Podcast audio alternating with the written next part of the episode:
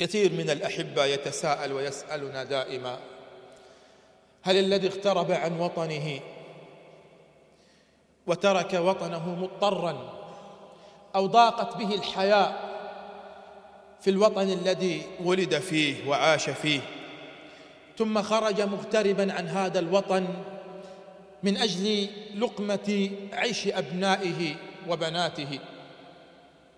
ما الحكم في ذلك؟ وهل يؤجر الإنسان على ذلك أنه سعى لأجل عياله أو أبويه أو أهله أو أولاده؟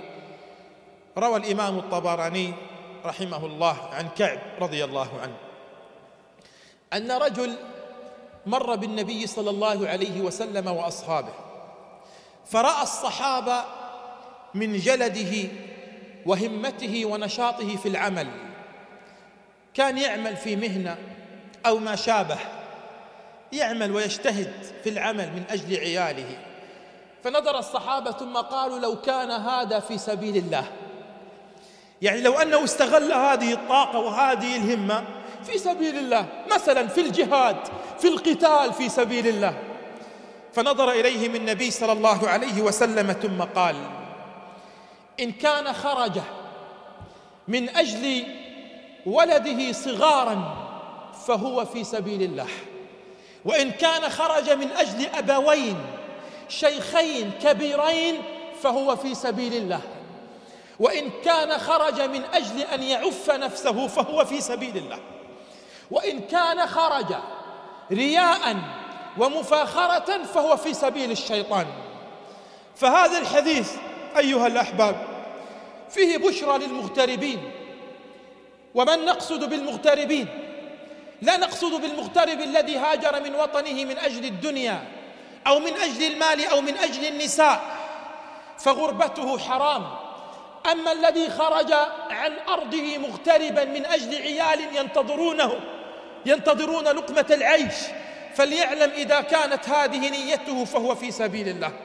من يعمل في الليل في الغربة من يشقى في الليل وفي النهار ويعرق في وهج السماء والشمس من أجل عياله وقوت عياله أو أبويه فليعلم أنه في سبيل الله. ولهذا أيها الأحباب قال الإمام الشافعي رحمه الله قال سافر سافر تجد عوضا عمن تفارقه. وانصب فإن لديد العيش في النصب يعني اتعب فإن لديد العيش في التعب. إني رأيت وقوف الماء يفسده. إن ساح طاب وإن لم يجري لم يطب. والأسد والأسد لولا فراق الأرض ما افترست. والأسد لولا فراق الأرض ما افترست. والسهم لولا فراق القوس لم يصب. والشمس لو وقفت في الفلك دائمة لملها لملها الناس من عجم ومن من عجم ومن عرب. أيها الأحباب في هذه الغربة التي تعيشونها وأختم لا بد للمؤمنين لا بد للمسلمين لا بد للمغتربين أن يكونوا جسدا واحدا أن يكونوا جسدا واحدا وأن نكون كالبنيان المرصوص يشد بعضه بعضا وألا نتفرق وألا يغش الأخ أخاه وألا يكذب الأخ على قريبه. والمشاكل والمصائب التي نسمعها بين كثير من المغتربين عن الغش والحقد والكذب والسرقات والنصب.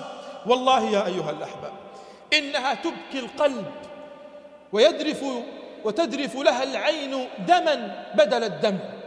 لا بد يا أحباب أن نتقي الله في غربتنا. وكما قيل يا غريب كن أديب. وكما قيل يا غريب كن أديب. واعلم أيها المغترب أنك تنقل عنك صورتين. صورة عن وطنك وصورة عن دينك. تنقل صورتين. أنت في وطنك قد تمثل نفسك في وطنك لا قبيلتك وعائلتك. لكن في وطن غيرك أنت تمثل أمة النبي صلى الله عليه وسلم بأكملها. فإذا أسأت فأنت أسأت للدين. سيشار على الدين بالبنان وليس عليك. سيشار على الإسلام بالبنان وليس عليك. وحينما تخطئ في بلد غير بلدك تكذب أو تسرق في بلد غير بلدك تغش في بلد غير بلدك فإنه سيساء إلى البلد التي أنت تنتمي فيه. وستأتي هذه الصورة ليس عليك وإنما سيشار على كل من ينتمي إلى هذا البلد. وإذا قيل عن هذا الرجل أنه من بلد فلان أو من دولة فلان أو من قبيلة فلان سيساء إليه وإن كان طيبا. سيساء إليه وإن كان عفيف اليد والنفس. لأن غيره أدنى. فيا أيها الناس اتقوا الله في أنفسكم واتقوا الله في غيركم من الناس. اتقوا الله في دينكم. اتقوا الله في أوطانكم وسمعتها. أسأل الله سبحانه وتعالى أن يغفر لنا الذنوب وأن يقينا شر العيوب. إنه علام الغيوب.